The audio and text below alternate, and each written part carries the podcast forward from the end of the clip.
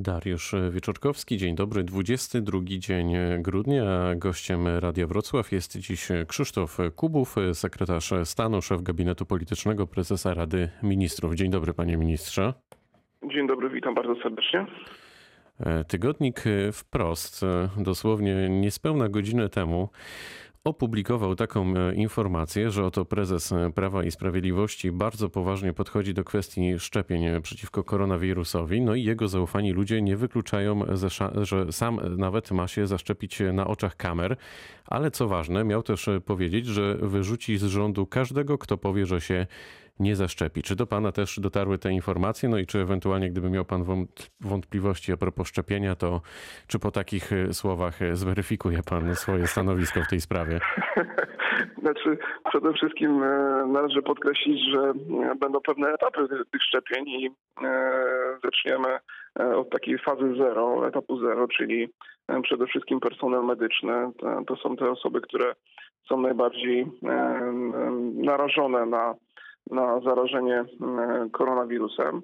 Natomiast y, nawiązując do słów pana e, prezesa, pana premiera Jarosława Kaczyńskiego, e, my jako rząd, jako Prawo i Sprawiedliwość nie mamy żadnych wątpliwości, e, że należy się zaszczepić. To jest jakby dla nas, dla naszego społeczeństwa no, tak naprawdę jedyna szansa na to, żeby, żeby uchronić się przed koronawirusem, więc te szczepienia będą bardzo istotnym elementem walki, jak nie najważniejszym elementem walki z pandemią.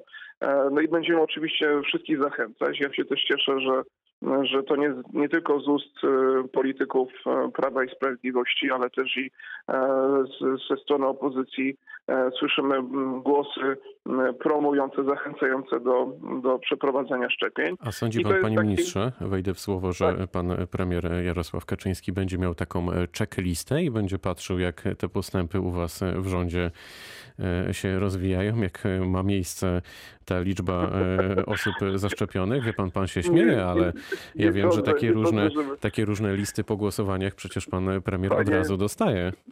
Panie redaktorze, y, nie sądzę, że była jakakolwiek checklista, natomiast tak jak, jak, jak powiedziałem, y, my podchodzimy do, do tego bardzo odpowiedzialnie jako, jako rząd, ale też jako ugrupowanie Prawa i Sprawiedliwości e, sprawujące władzę w Polsce. I ja myślę, że po pierwsze to należy podkreślić, że szczepienia są dobrowolne, tak? Natomiast e, w naszym obozie Zjednoczonej Prawicy to wszyscy jesteśmy za tym, żeby się szczepić. Ja nie znam takich osób, przynajmniej nie słyszałem, e, żeby ktoś miał jakieś tam większe wątpliwości no, po, takich, po takich, po takich słowach szefa partii to myślę, że nawet ludzie mogliby się bać powiedzieć, że, że się nie zaszczepią. No ale wierzmy w to faktycznie, że, że wszyscy, przynajmniej większość się zaszczepi. Panie ministrze, no to biegniemy dalej. Okazuje się, że nowy wariant koronawirusa rozprze rozprzestrzenia się od kilku dni w Anglii. Spowodował też, że brytyjski rząd znacząco ograniczył planowane poluzowanie restrykcji na Boże Narodzenie. Kolejne państwa europejskie wstrzymują ruch pasażerski z Wielką Brytanią, w tym też Polska.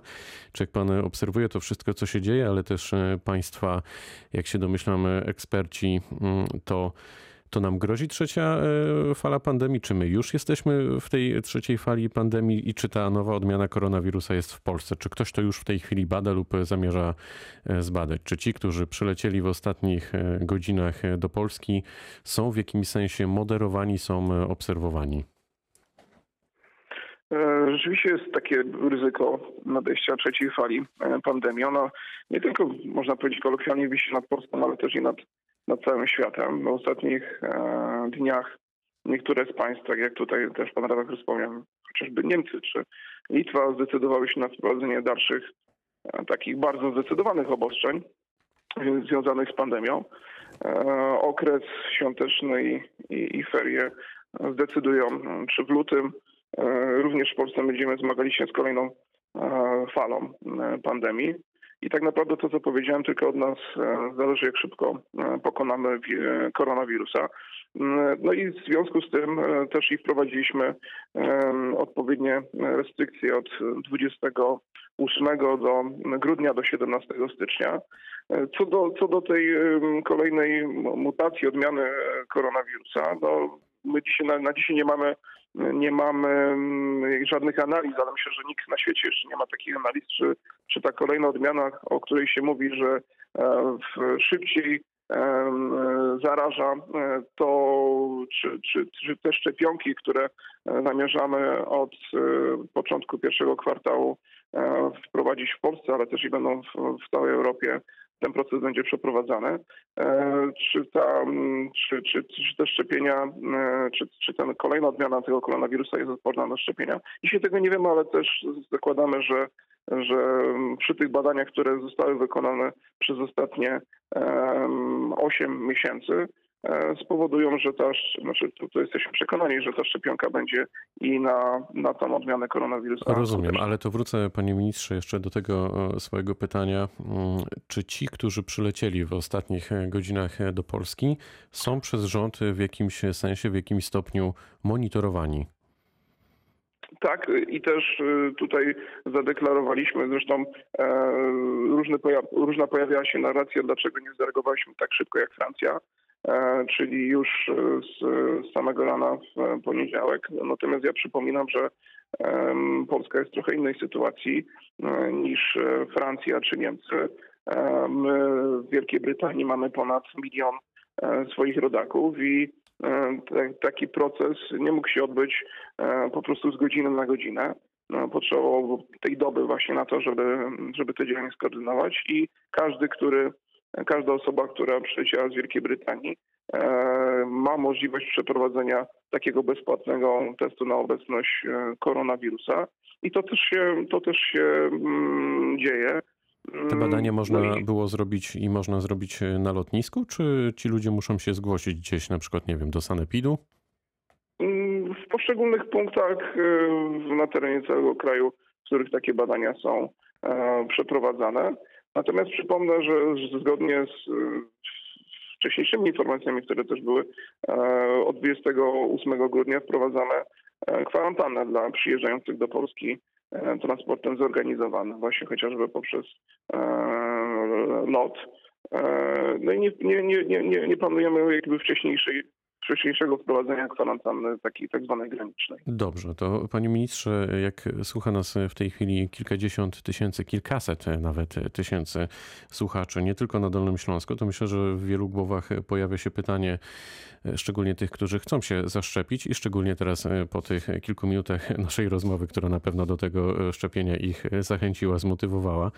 Mm, gdzie my możemy się e, zgłosić? To znaczy, jeśli ja jestem, ja przysłowiowy Kowalski, jestem chętny do tego, żeby się zaszczepić, to gdzie mam się zgłosić i ile będę na to szczepienie czekać? Abstrahując od tego, oczywiście, co pan powiedział, że e, w, tej, w tym szczepieniu zerowym będzie służba medyczna, etc. E, rozpoczęcie, tak jak wspomniałem, to będzie pierwszy kwartał 2021 roku. E, jak będą wyglądały poszczególne etapy? No zacznijmy od rejestracji, czyli online przez infolinię lub u lekarza POZ-u. E, na specjalnej stronie www lub też poprzez internetowo, internetowe konto e, pacjenta. E, można się zgłosić do punktu szczepień, gdzie będzie taka kwalifikacja przeprowadzona przez lekarza oraz no i później oczywiście wykonanie szczepienia w, tak jak wspomniałem, chociażby e, w POZ-ach i w punktach szczepień na terenie całego kraju. My chcemy do końca grudnia e, umożliwić, aby w każdej gminie e, taki punkt szczepień albo mobilny, albo te, te które funkcjonują, miał miejsce. Dzisiaj to jest około 80% gmin posiada takie punkty szczepień na terenie całego kraju. Natomiast do końca roku e, będzie to, że tak powiem, 100%. E, nasz, nasz kraj będzie miał możliwość w 100% realizacji e, szczepień, żeby każdy, każdy nasz obywatel miał możliwość szczepienia. One oczywiście będą realizowane zarówno w przychodniach POZ-u, jak i w szpitalach, szpitalach rezerwowych, ale też i lekarze, którzy prowadzą samodzielne, samodzielną praktykę, też będą mogli takich szczepień, takie szczepienia realizować. Rząd proponuje kolejne tarcze finansowe przedsiębiorcom, ale też coraz częściej słychać głosy i pytania o to, skąd rząd weźmie na nie pieniądze. Skąd rząd weźmie na nie pieniądze, panie ministrze? Tak jak od marca właściwie tego roku łącznie to ta pomoc dla przedsiębiorców, dla samorządów wyniosła ponad 160 miliardów złotych. Tak, w przyszłym roku też część środków związanych z pomocą dla pomocą skutkom koronawirusa dla przedsiębiorców, dla samorządów. Rząd przewidział też w samej ustawie budżetowej, bo jest to, jest to w okolicach 80 miliardów zwiększone wydatki względem przychodów. I myśmy to uwzględnili w ustawie budżetowej, ale przypomnę, że tarcze antykryzysowe to też między innymi Polski Fundusz Rozwoju czy, czy, czy Bank BGK. To są te instytucje, które realizowały pomoc dla przedsiębiorców, ale też i będą realizować tę pomoc. Więc tutaj nie ma obaw, że, że, że tych środków nie będzie tak jak udało nam się i zarówno na tym pierwszym etapie koronawirusa na wiosnę, jak i tym drugim, który jest teraz na jesień, wspomagać polskich przedsiębiorców, ocalić ponad 5 milionów miejsc pracy. Ja jestem spokojny, że ten rok 2021 pozwoli nam rozwijać po pierwsze polską gospodarkę, utrzymać miejsca pracy. No i akurat o środki finansowe w tym zakresie bym się nie martwił. Też dobrze wynegocjowany budżet Unii Europejskiej, ta walka na, na Radzie Europejskiej pozwoliła nam na to, że że myślimy bardzo pozytywnie o przyszłości finansowej naszego kraju. A nie obawia się pan, że koszty tych wszystkich tarcz w 2021 roku no, nie odbije się tą przysłowiową czkawką dla Kowalskiego, na przykład w codziennych zakupach, które będą i są już coraz droższe? Oczywiście mamy tego świadomość, ale to, panie redaktorze, no, ta sytuacja Polska w tym zakresie nie jest wyjątkiem. Jeśli chodzi o, o sytuację sytuację ekonomiczną, no, sytuację też pandemiczną. Natomiast no, my musimy wszyscy się liczyć z tym, że to jest trudny czas dla e, przepraszam, że tak powiem, przeciwnego Kowalskiego dla każdego z nas. E, restrykcje, e, ograniczenie możliwości mobilności, ale też i, ale też i to, co się dzieje w gospodarce. Na pewno w jakiś sposób się przełoży na komfort życia każdego z nas. Natomiast jeszcze raz podkreślam, robimy wszystko, aby, aby te wszystkie miejsca pracy, które dzisiaj funkcjonują, pozostały i żeby te, te skutki były jak najmniej odczuwalne dla przeciętnego Kowalskiego. No to niech to będzie podsumowanie naszej rozmowy, naszego spotkania. Krzysztof Kubów, sekretarz stanu, szef gabinetu politycznego prezesa Rady Ministrów, był gościem rozmowy Dnia Radio Wrocław. Bardzo dziękuję. Dziękuję bardzo, serdecznie pozdrawiam. Pytał Dariusz Wieczorkowski. Dobrego dnia.